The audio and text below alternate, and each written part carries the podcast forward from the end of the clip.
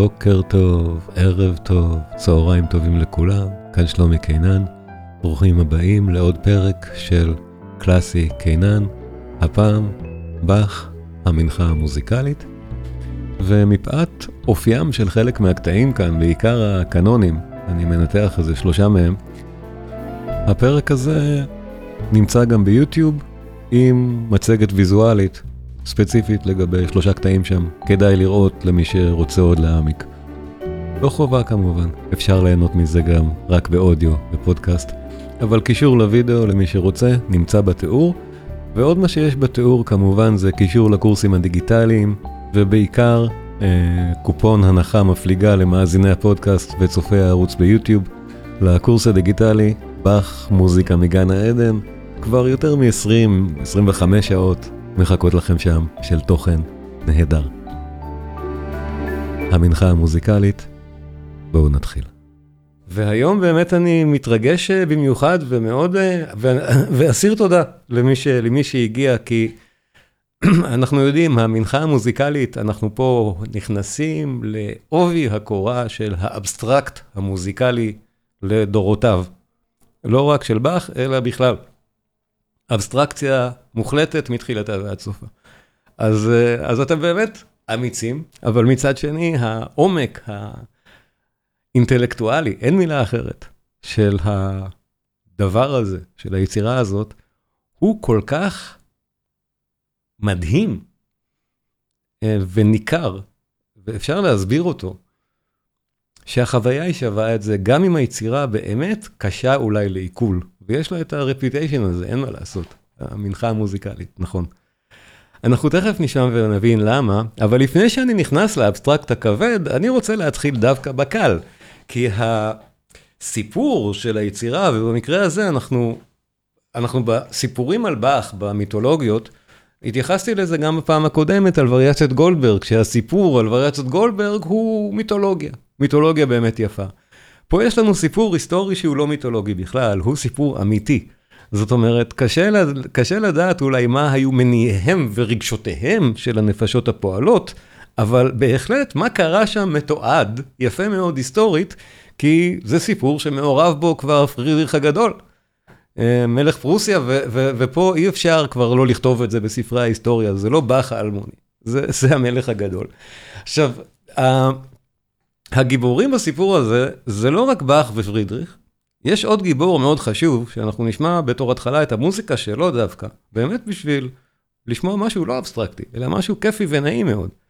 זה הבן של באך, זה קרל פיליפ, פיליפ עמנואל באך, שהוא אחד מהמלחינים החשובים ביותר בהיסטוריה, והפחות מוערכים, אני חושב מה שנקרא underrated. והסיבה שהוא underrated, שלא נטעה, זה בגלל שהוא הבן של באך הגדול. אם לא היה הבן של באך, היינו חושבים היום על קרל פיליפ עמנואל באך, מה שאנחנו חושבים על היידן פחות או יותר. ובחייו זה מה שחשבו עליו. מוצרט כינה אותו, אה, ספציפית, את קרל פיליפ עמנואל, הוא קרא לו, באך הוא האבא, אנחנו ילדיו. והוא לא דיבר על, על יוהן סבסטיאן, הוא דיבר על קרל פיליפ עמנואל. בואו נשמע בשביל להבין רגע את הקונטקסט באמת, יצירה של קרל פיליפ ועמנואל באך משנת 1739. זה שנה אחרי שהוא הלך לעבוד בשירותו של פרידריך הגדול, בחצרו של פרידריך, עוד לפני שפרידריך היה המלך. פרידריך עוד היה רק היורש, וקרל עמנואל באך הלך לעבוד אצלו בתור מוזיקאי החצר, מלחין החצר, והלחין מוזיקה האמת, נפלאה, ובואו נבין למה מוצרט אומר על קרל פיליפ עמנואל באך שהוא האבא הגדול. קונצ'רטו לכלי מקלדת בדו מינור משנת 1739 של קרל פיליפ עמנואל באך.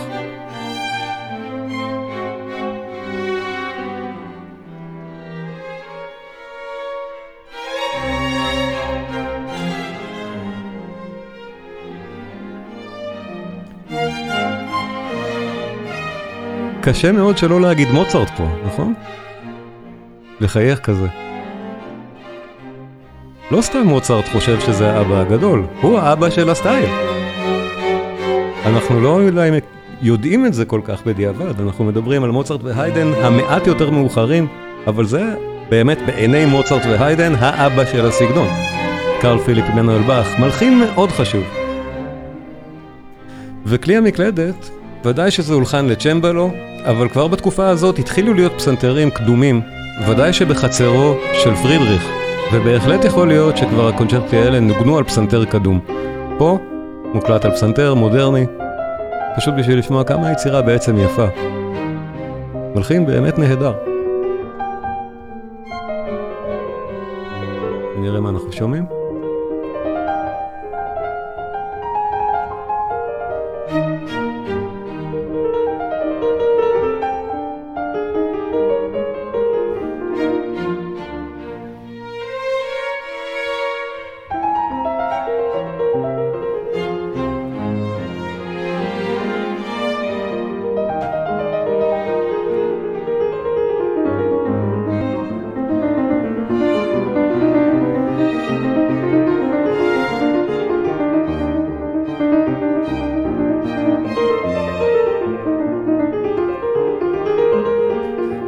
המקסים הזה באמת נפלא.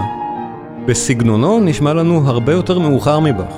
זה נשמע כבר באמת מהתקופה הקלאסית. זה נשמע מתקופתם של מוצרט והיידן. זה עוד לפני המנחה המוזיקלית שנשמע תכף. זה שנה אחרי שפריד, שפרידריך הגדול אה, שכר לשירותיו את קרל פיליפ עמנואל באך. וזאת מוזי, המוזיקה שקרל הלחין בתקופה הזאת. מוזיקה שמתאימה והולמת בהחלט לחצרו של פרידריך. זה מה שפרידריך אוהב ורוצה. הציור המאוד מפורסם שאנחנו רואים גם אצלי ב... על המסך, מאותם שנים, החצר של פרידריך בפוסטדם. פרידריך עצמו מנגן על החליל פה, במרכז התמונה. הוא היה מלך באמת תרבותי מהבחינה הזאת. הוא מאוד אהב מוזיקה, לא רק מוזיקה, אומנויות בכלל. וזה לא אומר שהוא היה אדם מקסים בשום צורה, אנחנו תכף נדבר על האיש, אבל כן, הוא הכיר אומנות לעומק וראה בעצמו, חשב על עצמו שהוא אדם מאוד נאור ומתקדם. ונכון שהמוזיקה שאנחנו שומעים עכשיו היא מוזיקה מתקדמת לתקופה. זה היה חוד החנית המוזיקלי של אותו הזמן. שוב, לעדותו של מוצרט, זה האבא הסגנוני הגדול של כל מה שבא אחר כך. קרל פיליפ עמנואל באך ודור המייסדים הזה של סגנון הגלנט, מה שאנחנו קוראים התקופה הקלאסית. בכל מקרה, כאן אנחנו רואים את קרל פיליפ עמנואל באך בעצמו על המקלדת. הוא מצויר פה, מנגן על כנראה פסנתר קדום. ופרידריך מנגן על החליל.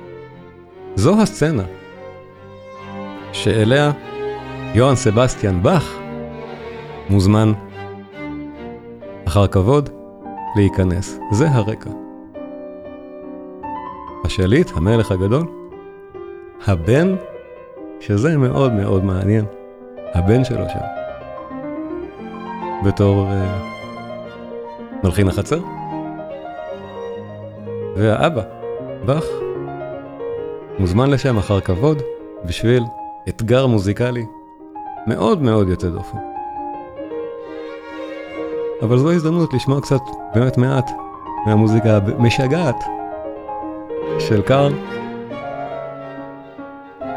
שזה אולי טרגי, באמת שבמאה ה-19, בגלל שיוהאן סבסטיאן באך זכה לכזאת הערכה עצומה מקיר אל קיר, מתחילת המאה ה-19 ואילך, מלחינים כמו שומן אמרו על קרל פיליפ עמנואל באך שהוא לא היה כל כך גדול יחסית לאבא שלו. וזה היה קו שלאורך כל המאה ה-19 עבר, ופגע מאוד בתדמית של המוזיקה של קרל פיליפ עמנואל באך, שבימי חייו, וגם אחריו, היה נחשב אחד מגדולי מלחיני אירופה. הוא הלחין המון, ומוזיקה נפלאה. אני ממש ממליץ לאוהבי הסוגה, ודאי שאוהבי מוצרט, תקשיבו ליצירות האלה של קרל פיליפ עמנואל באך.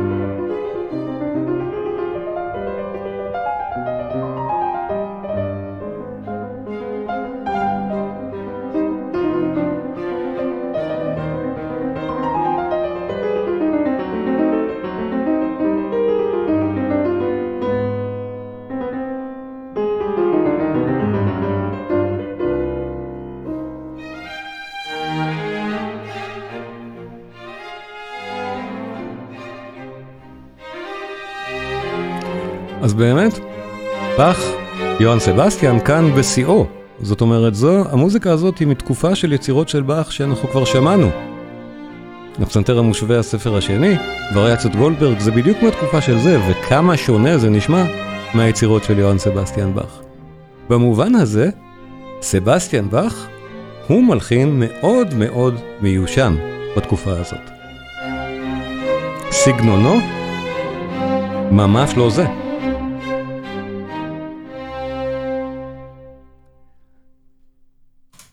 אבל הוא מוזמן, אחר כבוד, מוזמן. זה מין בקשה שאי אפשר לסרב לה. being summoned לחצרו של פרידריך. שלושה ימי נסיעה מלייפציג במרכבה, בתנאים של התקופה. נסיעה נסיעה. כי פרידריך שמע, יצא שמעו של באך למרחוק. זה מנפץ לנו עוד מיתוס, שבאך לא היה מוערך בימי חייו. ודאי שהיה מוערך, אפילו פרידריך הגדול שמע עליו. שמע עליו עד כדי כך שהביא אותו לחצרו, למה? כי הוא שמע על באך שיש לו באמת כוחות על כמוזיקליים. מה שלבאך באמת היו. זה גאון מהסוג הזה.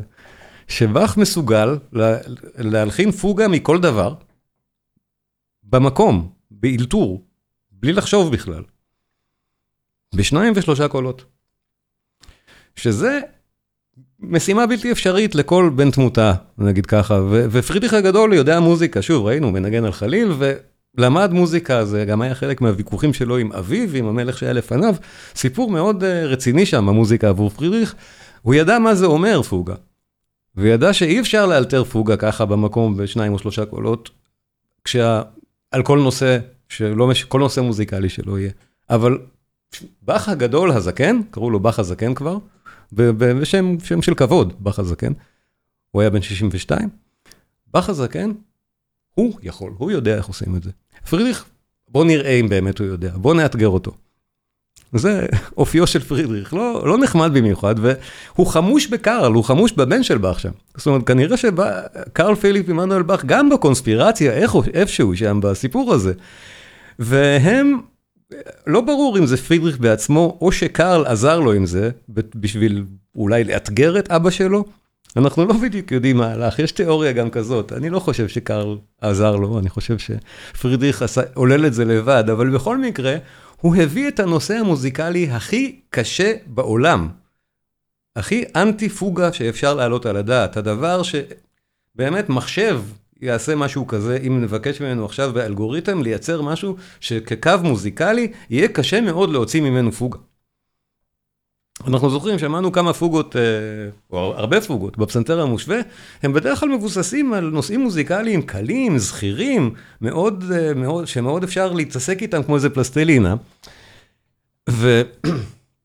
וכאן פרידריך באמת חושב על הדבר הכי מסובך ומרגיז לקומפוזיציה מהסוג הזה. נושא שנשמע ככה.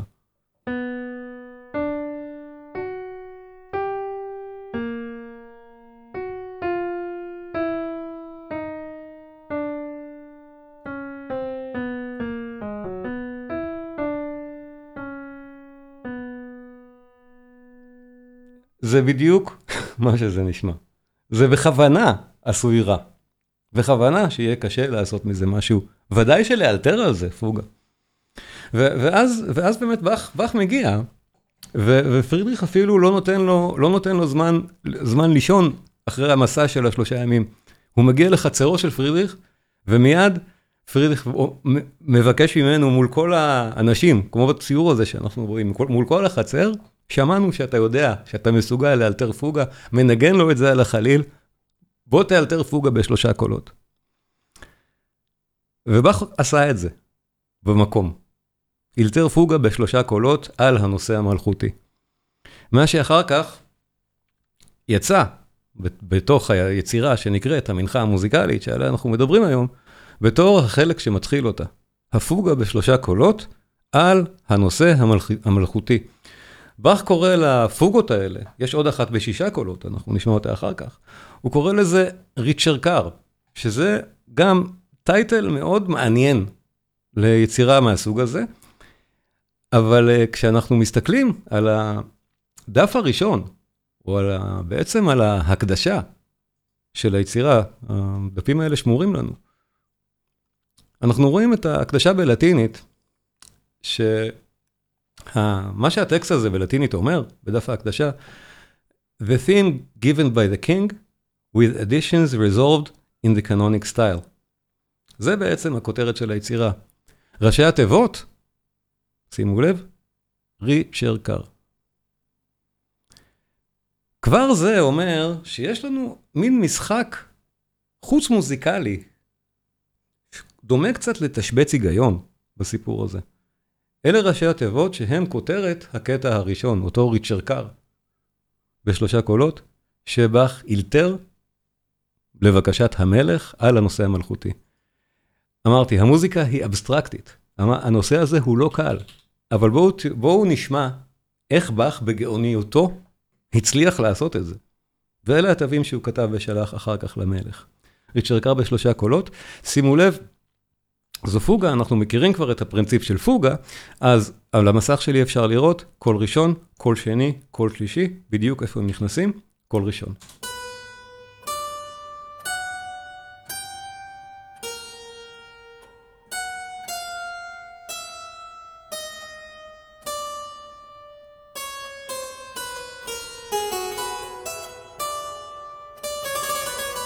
קול שני עכשיו.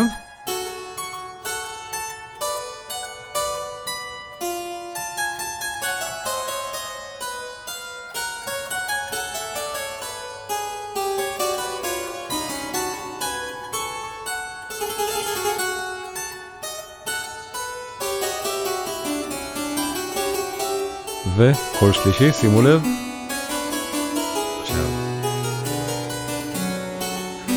ומכאן אנחנו שומעים את שלושת הקולות האלה של הפוגה, נקראת כאן את שרקר.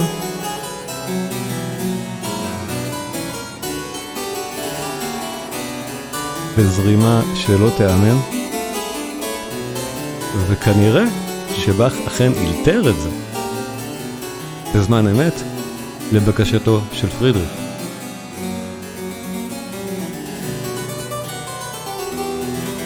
אפשר לזהות כל הזמן את אותו קו של המלך, את אותה thema regis.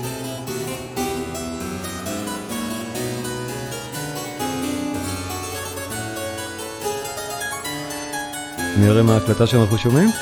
אנחנו נשמע היום כמה הקלטות וכמה הקשרים.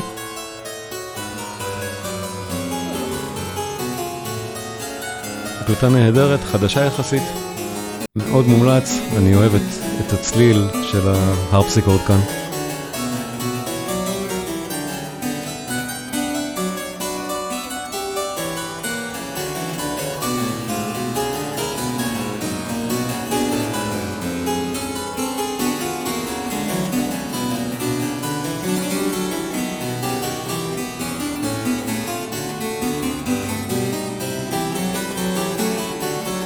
יונה אומר שריצ'רקארה באיטלקית זה חיפוש או חוזר או חזרה, נכון.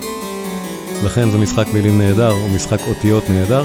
שימו לב, הנושא המלכותי שוב חוזר לנו שם למעלה, בסופרן.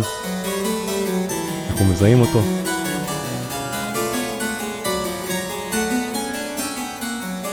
זה כשלעצמו, הפוגה המאוד מורכבת בשלושה קולות הזאת, לאלתור בזמן אמת, זה מה שהמלך ביקש מבאך לעשות, וזה מה שבאך עשה. וזה אפילו היה כתוב בעיתונים של התקופה. עד כדי כך, זה היה מבצע לא ייאמן, שהעיתונות דיווחה על זה. איך יוהאן סבסטיאן באך הצליח להלחין פוגה על הנושא המלכותי המפואר וכולי וכולי וכולי. אבל התרגיל לא נגמר בזה. המלך היה קצת יותר אכזרי מזה, ואחרי שבאך עמד בתרגיל הזה, הוא ביקש ממנו לאלתר פוגה בשישה קולות.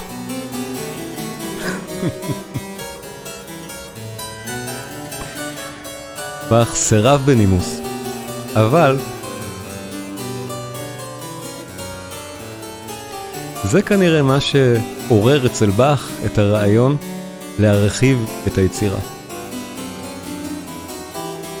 להלחין פוגה בכלל בשישה קולות על כל דבר זה מבצע מאוד מאוד מורכב. אבל פוגה בשישה קולות על נושא מלכותי כזה, שנכתב בכוונה כמשהו הכי לא הגיוני, זה אתגר שקשה מאוד לעמוד בו. אז באך לקח על עצמו להלחין באמת פוגה בשישה קולות על הנושא המלכותי. ובנוסף, סדרה של קנונים, אנחנו תכף נדבר על הקנונים, שגם הם מפגן קונטרפונקט, זיקוקי דינור של קונטרפונקט יוצא דופן. על הנושא המלכותי. וטריו סונטה על הנושא המלכותי. טריו סונטה, יצירה חופשית. מזכירה אולי את מה שקרל פיליפ עמנואל באך היה עושה.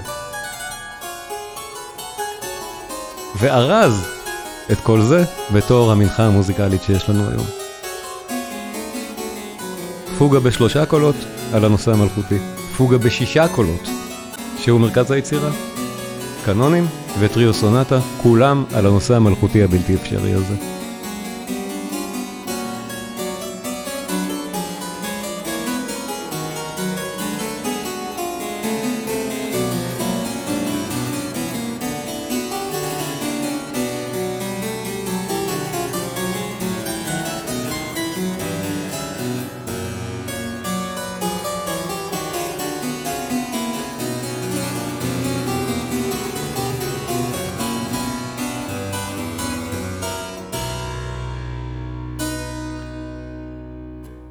זה מדהים.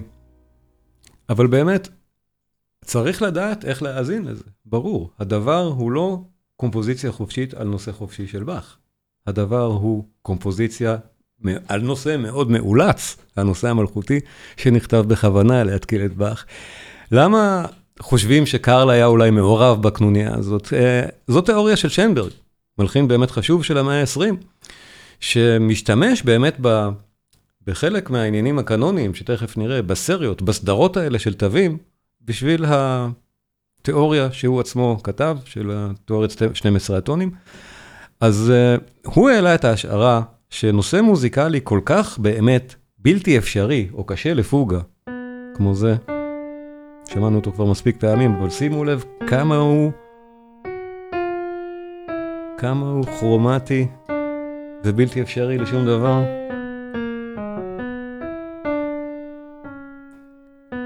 שנושא כזה צריך לכתוב, להלחין מישהו עם יכולות כמו של קארל, ולא כמו של פרידריך. מלחין מספיק גאון בשביל להתמודד עם באך. אני לא, אני לא חושב שזה צריך להיות ככה. פרידריך בעצמו היה שייגץ מספיק גדול כנראה בשביל לעשות את זה, ואני לא יודע אם קארל באמת רצה להתעלל ככה באביו. אבל uh, יש פה באמת סוג של מלחמה בין שני uh, בין שני, או סוג של קרע בין שני דורות של מוזיקה. המוזיקה נגמרת כאן, הברוק, כמו שאנחנו מכירים אותו, מסתיים כאן, ומתחיל משהו חדש, מה ששמענו שקארל עושה אצל פרידריך, עוד לפני המוזיקה הזאת, עוד לפני היצירה הזאת, כבר נשמע של הדורות הבאים. מוזיקה שכל תפקידה הוא לשעשע ולענג, שלא צריך להתעמק בה בכלל. זה סגנון הגלנט, זה גם הרבה מאוד מהיידן ומוצרט. נכון שהמוזיקה יכולה להיות מעמיקה, אבל קודם כל, היא צריכה להיות אלגנטית, מענגת, יפה וקלה יחסית. ופה אנחנו מקבלים את ההפך, את האידיאולוגיה העמוקה הזאת של הברוק המאוד מאוד מאוד שכלתני ומאוד מאוד מתמטי. ופרידריך יודע להכיר בגאונות הזאת. ובאך גם מבין את זה ורוצה להראות כאן נקודה. אתה הבאת עכשיו את הנושא הבלתי אפשרי הזה, ותראה איך אני יכול לעשות ממנו לא רק פוגה בשניים או שלושה קולות, שלושה ושישה קולות, אלא גם סדרה של קנונים, שהם אתגר אינטלקטואלי כבר מסוג אחר לגמרי, ואני אנסה להראות מעט, פשוט כי על הדבר הזה כבר אה, נכתבו תילי תילים של מילים על אותם קנונים ומה הם מראים בתור עניינים מתמטיים. זאת אומרת, יש אה, למשל ספר מאוד, אה, מאוד מפורסם, שנקרא גדל אשר באך, את הספר הזה. אם אתם מכירים, אשר זה צייר, צייר נפלא לדעתי, אנחנו תכף נראה קצת כמה מהציורים שלו. גדל זה מתמטיקאי שיש לו תיאוריה מאוד חשוב במתמטיקה, ובאך זה השם השלישי פה. באך מתקשר מבחינת הספר הזה עם התיאורם של גדל במתמטיקה, שמדבר על לופים, על מעגלים אינסופיים ובלתי נגמרים, ועם הציורים של אשר, שמקרינים את אותו הדבר. האלגנטיות או הקוהרנטיות המתמטית-לוגית שיש במנחה המוזיקלית של באך, והדוגמאות בכל הספר הזה הם רק מהיצירה הזאת, רק מהמנחה המוזיקלית של באך. הם מה שעוררו נניח את הופסטאטר לכתוב, לציין את באך לצידו של גדל כעניין מתמטי-לוגי. בואו נראה באמת למה הכוונה. אני אתחיל בדוגמה באמת מפורסמת מאוד, שיש לה אפילו ייצוגים גרפיים מאוד יפים, כי, כי אפשר לעשות את זה. זה מה שנקרא קנון הסרטן המפורסם. Uh, התווים של הקנון עצמו נראים אולי תמימים. זאת אומרת, לא צריך אפילו לקרוא תווים בשביל להבין שזה נראה די תמים. בעצם מה שבאך כתב, זה את, השורה, את השורות האלה. זו שורה אחת, מה שאנחנו רואים פה, קנון A2. אבל יש מין אלגוריתם, מין הוראות הפעלה, איך צריך לקרוא את המוזיקה הזאת בכלל ומה אמורים לעשות איתה. אנחנו רואים שזה מודפס פה הפוך לזה. זה אומר שצריך לנגן את זה מהסוף להתחלה, את התווים האלה, ומההתחלה לסוף, בו זמנית. ואז מקבלים את הקנון. מקבלים את מה שזה נשמע. באמת, לופ מאוד משונה. בואו נראה איך זה נראה בייצוג גרפי ממש יפהפה שעשו של התווים האלה מהסוף להתחלה, מההתחלה לסוף, וזה קנון, שוב, שמבוסס על הנושא המלכותי הזה. הנורית, אני מדבר על יוהאן סבסטיאן.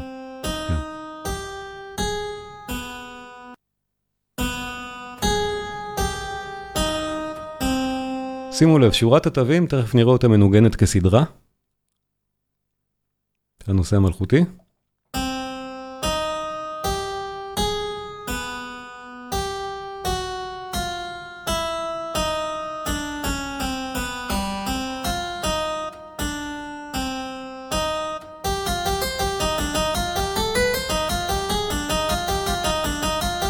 זה הקו שיהיה תכף הליווי כשהוא מנוגן מהסוף להתחלה ומההתחלה לסוף על הקו השני. שימו לב, מהסוף להתחלה.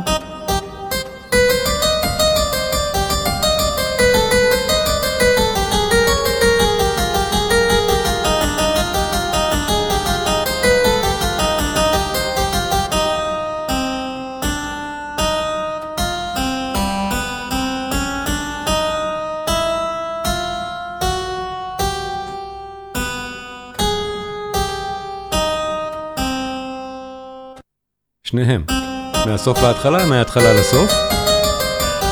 וככה אנחנו בדרך כלל רגילים לשמוע את הקטע הזה. מנוגן כך.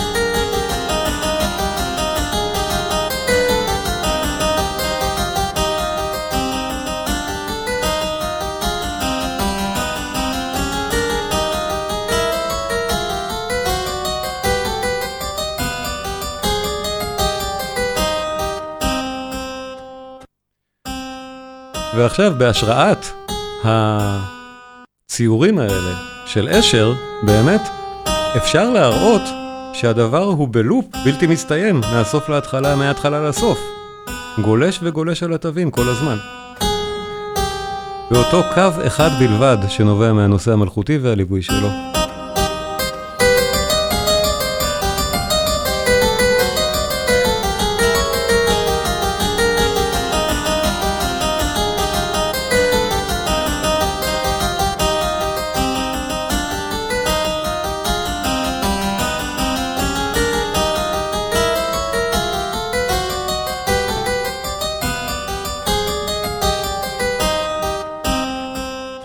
אז אנחנו באמת רואים שהדבר הוא כל כך מתמטי, ומצד שני גאוני ומדהים. איך מלחינים דבר כזה בכלל?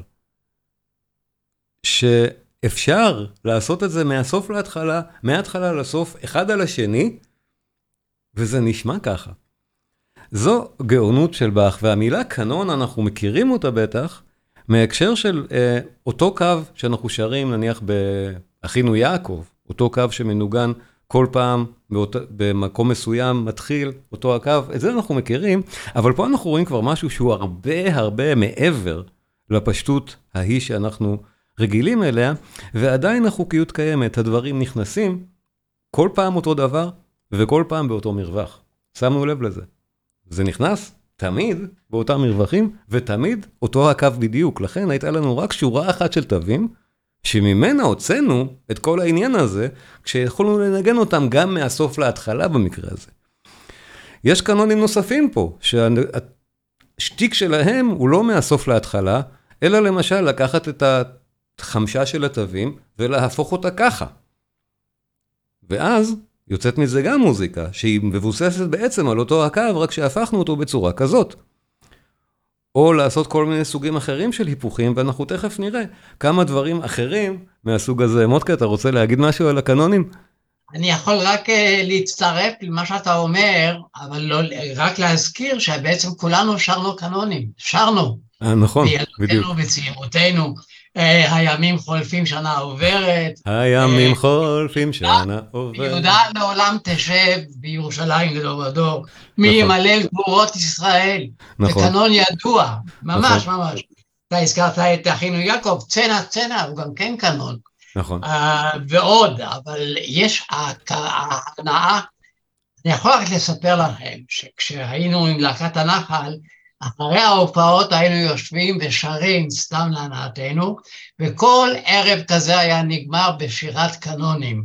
זה, וזה מקובל היה בקיבוצים ובתנועות הנוער, ושרו קנונים מההתחלה עד הסוף ומהסוף להתחלה. והיו, וזה יצר כאלה הרמונים, הרמוניות נהדרות. אה, למשל, אולי חלק מכיר את הקנון הידוע של בן אורי, אתה הצבת כל גבולות ארץ. בקנון הזה זה ממש נשמע יצירה של הרמוניות, ונכנסים כל רודף אחרי כל. כל אחד מתחיל, הקבוצה השנייה מחקה אותה בדיוק באותם, באותם הצלילים, באותו, באותו השיר, אבל היא נכנסת מאוחר יותר. אבל היא לא מחכה עד שהראשון גומר, אלא היא נכנסת באמצע השירה שלה. נכון. ואז נוצרות ההרמוניות הנהדרות. ולפעמים יש את זה לשני קולות ולשלושה קולות, אני מדבר בשירה. בשירה יש לשניים, שלושה, ארבעה, ויש גם לשמונה, שמונה קולות. אבל להגיע לרמה של באך, אף אחד לא מסוגל נכון. באות שאני הבאתי, אבל אני לא יודע... אבל זה הפרינציפ, זה אותו פרינציפ, החזרה, בסימן חזרה, בנקודה המסוימת שבה נכנסים בחזרה זהה על מה שהיה קודם. זה נכון, הפרינציפ. תמיד כן, ככה, נכון. אבל אני לא יודע אם יש מלחינים שהם הקדישו את הלחנים שלהם מכל התחומים כמלחיני קנונים. הם כתבו יצירות, ובתוכן היו משולבות, משולבים גם הקנונים האלה. נכון. שאתה הבאת את הדוגמה הנהדרת הזאת. אז זה מה שאני יכול להגיד, שזה מאוד מהנה גם לשמוע אותם, כפי שהראית בדוגמה, וגם להיות אה, ממש אה, פעיל ולהשאיר אותם, כשזה מדובר בשירה. כן. אז תודה מודקה, זה תמיד כיף לדבר איתך, תודה רבה. אז אה, כן, הקנונים, הקנונים האלה של באך באמת יוצאי דופן, ראינו משהו ממש ממש מתוחכם עכשיו, נגיד ככה, וברור שבאך, אה, עושה כאן את, ה, את המקסימום.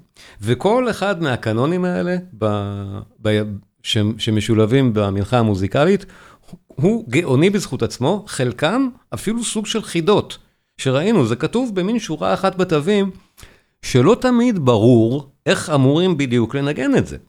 זאת אומרת, יש סימן איפה הדבר אמור להיכנס חזרה, אבל לפעמים זה ממש קנון שנקרא קנון חידה, שהפרידריך הגדול, או מי שלא יהיה שמקבל את התווים, אמור לפתור את אותה החידה ולהבין איפה התווים נכנסים ובאיזה צורה.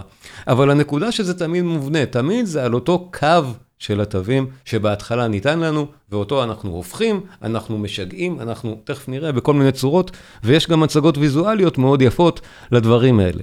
יש קנונים יותר פשוטים אולי, שיהיה יותר קל לעקוב אחרי, אחרי מה שקורה בהם. למשל, כשזה קורה ביוניסון, מה שנקרא באותו התו, ורק מזיזים לפי סימן התנועה, לאן זה צריך להתחיל, שימו לב, וזה מוזז לשם.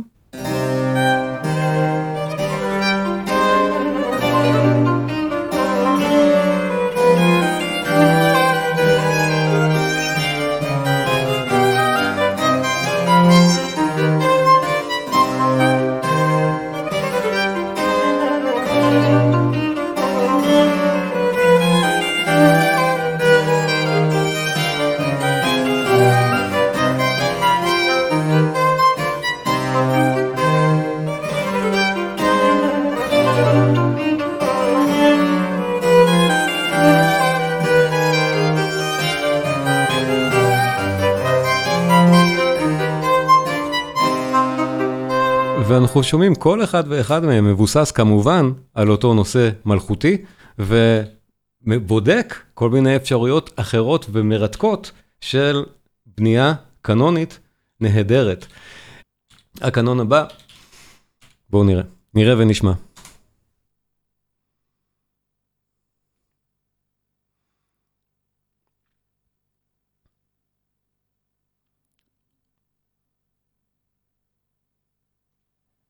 זה התווים שיש, אבל צריך לקחת את השורה הזאת, לקחת אותה הנה, ולהזיז אותה לסימן החזרה הזה, ויש לנו קנון.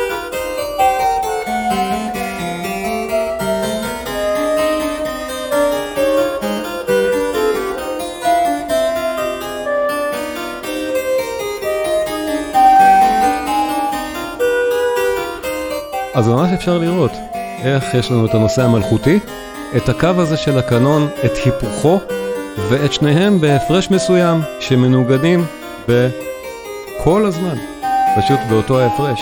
חוזרים וחוזרים ונשמעים נהדר זה על זה. ולכן זה סוג של חידת סוזוקו, ממש כך. ואני צריך להגיד המון תודה ליוטיובר לגרובך, שהסרטים האלה הם ממנו, המצגות האלה, זה מצגות נהדרות. אה, מקוצר זמן, אני לא אוכל לעבור על כל הקנונים הנפלאים שיש ב, ביצירה, במנחה מוזיקלית, אבל אם אתם רוצים לראות באמת את המצגת הזאת בעצמכם ביוטיוב, זה של גרובך, אפשר, אפשר להיכנס ולהסתכל בכל הדוגמאות האלה של הקנונים, של התווים, איך הם מתהפכים ומתחלפים על ה... על המוזיקה, ורק חייבים הרי לדעת, כשאנחנו שומעים בעצם את היצירה, לא, אנחנו לא יודעים את כל זה. וחשוב מאוד להבין איך הדבר הזה נכתב, כי הוא פורמלי לגמרי, זה באמת מוזיקה אבסטרקטית שעניינה הוא אבסטרקטי, ובאך מראה פה לפרידריך וכנראה גם לקארל נקודה. עד כמה הדברים האלה יכולים להיות מעמיקים וגאוניים, הרי הנושא המוזיקלי הזה לא היה אמור להיות, להיות אפילו פוגה, שלא לדבר על קנונים מתוחכמים מאוד מהסוג הזה, שמלווים בצורה כל כך אלגנטית נושא כל כך קשה ל... לעשייה. עוד כמה מהיפים, באמת הם, הם קצרים, אז אפשר אולי, אפשר אולי להראות עוד כמה. יש כמה קנונים שבאמת מוקדשים למלך עצמו, והם גם סוג של חידה, זה עוד לא החידות שיבואו אחר כך, אבל כאן העבודה, של, או בעצם ההיגיון, שצריך להבין מהתווים הכתובים, איך אנחנו פותחים באמת את הקו הכתוב הזה לכלל המרווחים הראויים, מרומז בטקסט הלטיני שמכוון למלך. בואו נראה. הטקסט הלטיני אומר פה את זה.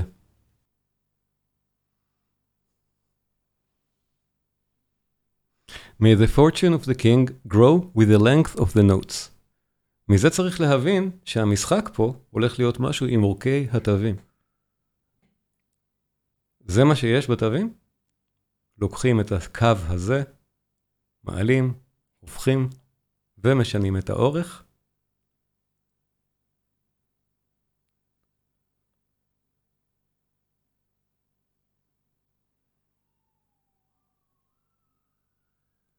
וכל פעם מחדש יוצאת עם איזה מוזיקה אלוהית.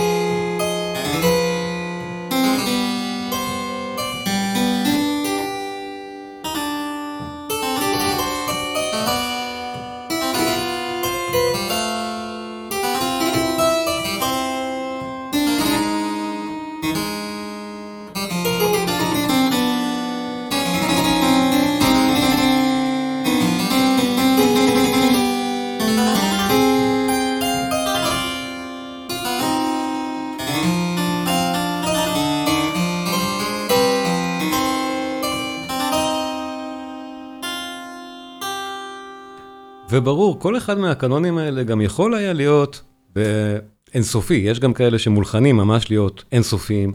יש לנו את העניין הזה של החזרה הזאת, של התחושה הזאת של הלופ, תמיד בקנונים האלה. זאת אחת מהסיבות גם של הספר הזה, גזל אשר באך. תכף נראה כמה ציורים של אשר על רקע של אחת מהפוגות, ונבין אולי למה זה רלוונטי היה להופסטטר לכלול את השמות האלה. היצירה, כאמור, אה, במרכזה עומד ה... אה, אותה פוגה בשישה קולות. האתגר השני של המלך, הריצ'רקר בשישה קולות, שבאך לא יכול היה לאלתר, אי אפשר לאלתר את זה. לא שאפשר בשלושה קולות לאלתר את זה, זה רק באך יכול, אבל בשישה קולות זה מוגזם, אבל הוא באמת חזר ללייפציג, הלחין את המנחה המוזיקלית במלואה, את הקנונים האלה, ואת ה... כתב את השלושה קולות ואת השישה קולות. זה באמת אמ, נחשב, ובצדק, לאחת, מהפסגות הכי גדולות במוזיקה, אבל שוב, מדובר במוזיקה מאוד מאוד אבסטרקטית, ובשביל להקל אולי על האבסטרקציה, אני גם אראה את הדוגמה עם התווים האלה ש, שזוחלים, בשביל שנבין בכלל איפה כל קול נכנס שם. קשה מאוד בהאזנה לצ'מבלו להבין את זה. אז אה, אם, אם יש לנו מצגת גרפית, אולי קצת יותר קל. אני לא אשמיע את הקטע כולו, הוא מאוד מאוד ארוך, אבל אנחנו נוכל להבין את הגאוניות, ואת הקו הזה, הקו המלכותי, אנחנו כבר מכירים מצוין, אנחנו נזהה אותו פה חוזר בכל ששת הפעמים שהוא נכנס עם הקולות האלה. בואו נשמע ונראה לפחות מעט מזה.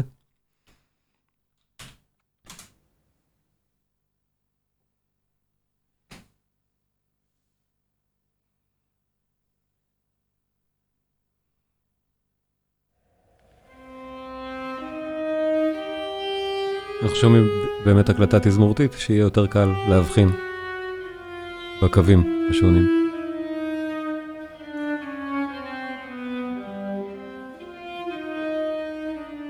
קול שני.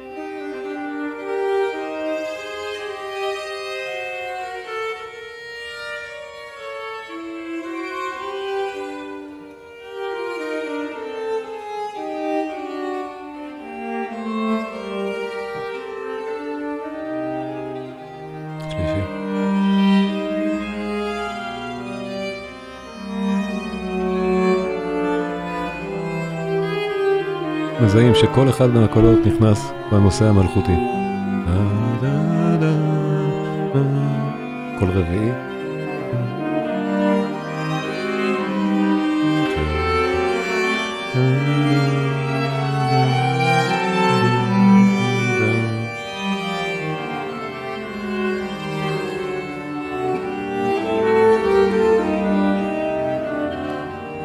זה פוגה, זה לא קנון, ברור, ולכן המרווחים בין הכניסות לא חייבים להיות זהים. פוגה זו צורה שונה מעט, הרבה יותר חופשית, כל חמישי.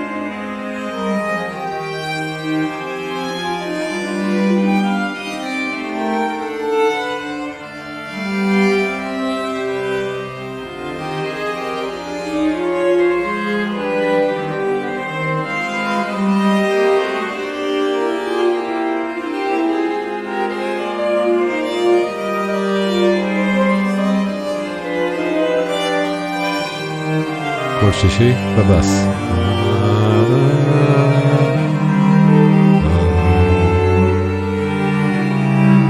ועכשיו יש לנו שישה קולות על הנושא הבלתי אפשרי, זה לא יאמן.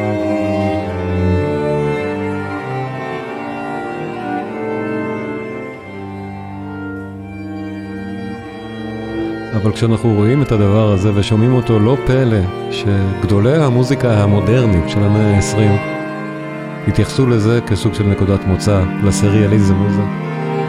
זה נשמע כמעט כמו מוזיקה מודרנית.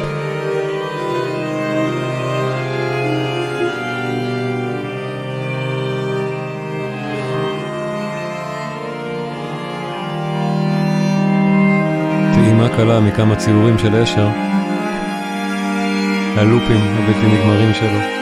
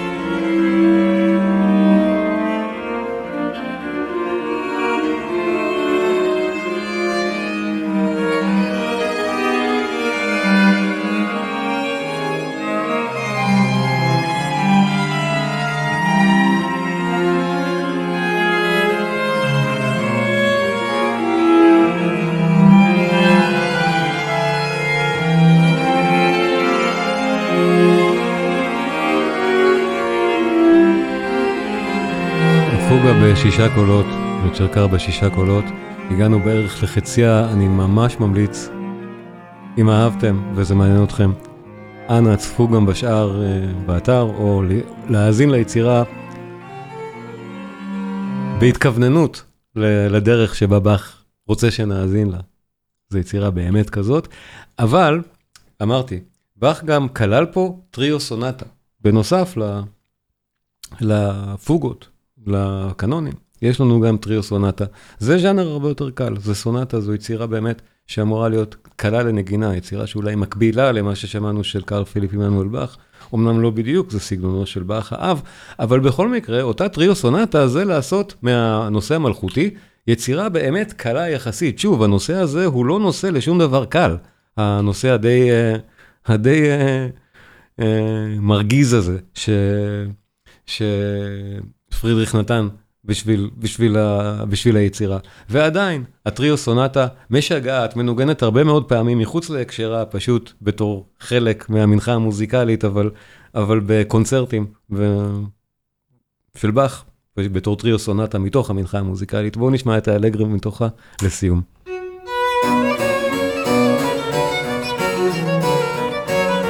זה ההקלטה שאנחנו שומעים. הפעם גם הקלטה אלמותית של ליאונרד.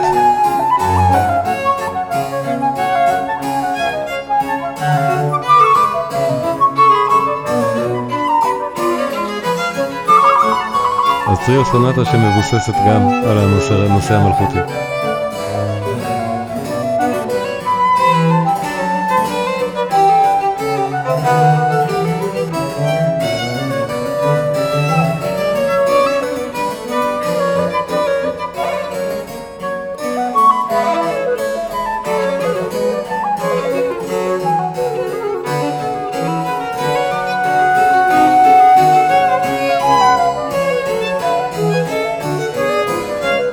שואלת על הקשר לציורים של אשר, מה שאנחנו שומעים עכשיו באמת לא שייך. אבל מה ששמענו קודם, הקנונים, עם המעגליות הבלתי נגמרת והלא מוסברת שלהם. זה קונספט שהופסטטר קורא לו strange loop בספר שלו, הספר שדיברתי עליו, גדל אשר, אשר באך, והוא מתייחס כ strange loop, במקרה של אשר, לדברים באמת אלה. אנחנו רואים כאן. ובמקרה של באך, לקנונים מתוך המנחה המוזיקלית שהם פרפטואליים, שהם יכולים להמשיך ולהתגלגל להם, במקרים מסוימים לעלות כל הזמן, במקרים מסוימים דברים אחרים קורים איתם, אבל כל הזמן להמשיך ולהמשיך עד בלי די, אם רק נרצה. דבר שמתבטא נהדר גם בציורים האלה של אשר, לא רק באלה, יש לו המון.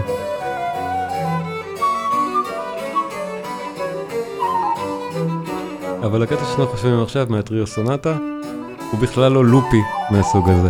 זו פשוט טריו סונטה שמבוססת על הנושא המלכותי.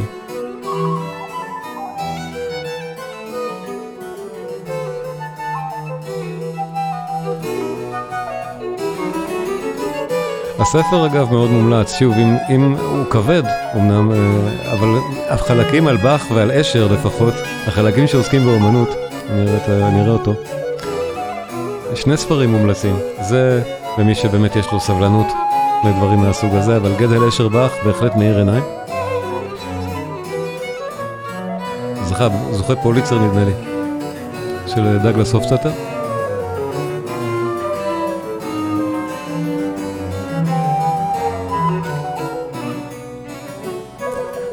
ספר שני מאוד מומלץ של ג'יימס גיינס, Evening at the Palace of Prison, שמספר את סיפורה של המנחה המוזיקלית. מספר את הרקע על uh, פרידריך הגדול, על באך, על קארל. נכנס מאוד לעומק, וכל הפגישה ההיסטורית הבאמת חשובה מאוד הזאת, והתנגשות בין טיטנים ובין דורות.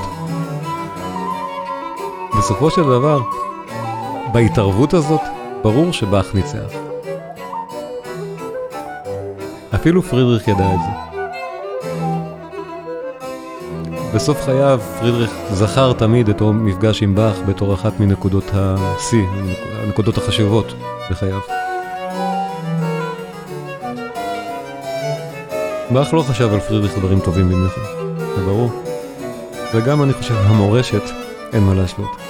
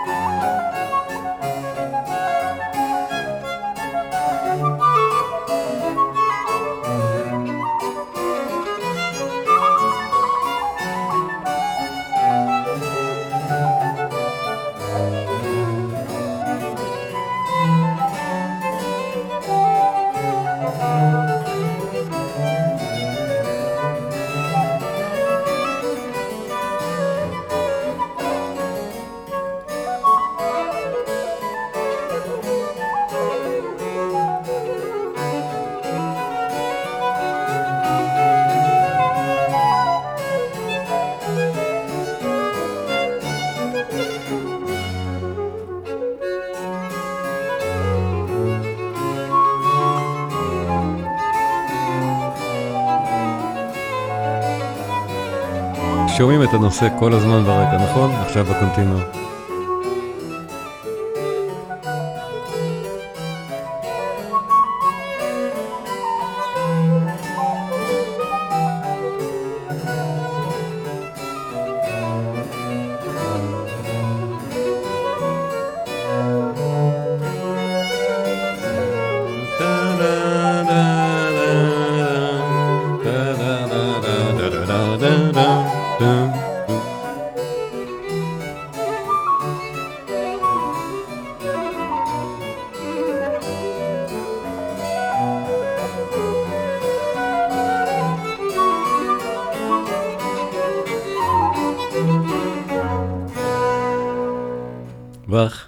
המנחה המוזיקלית, תודה רבה לכם.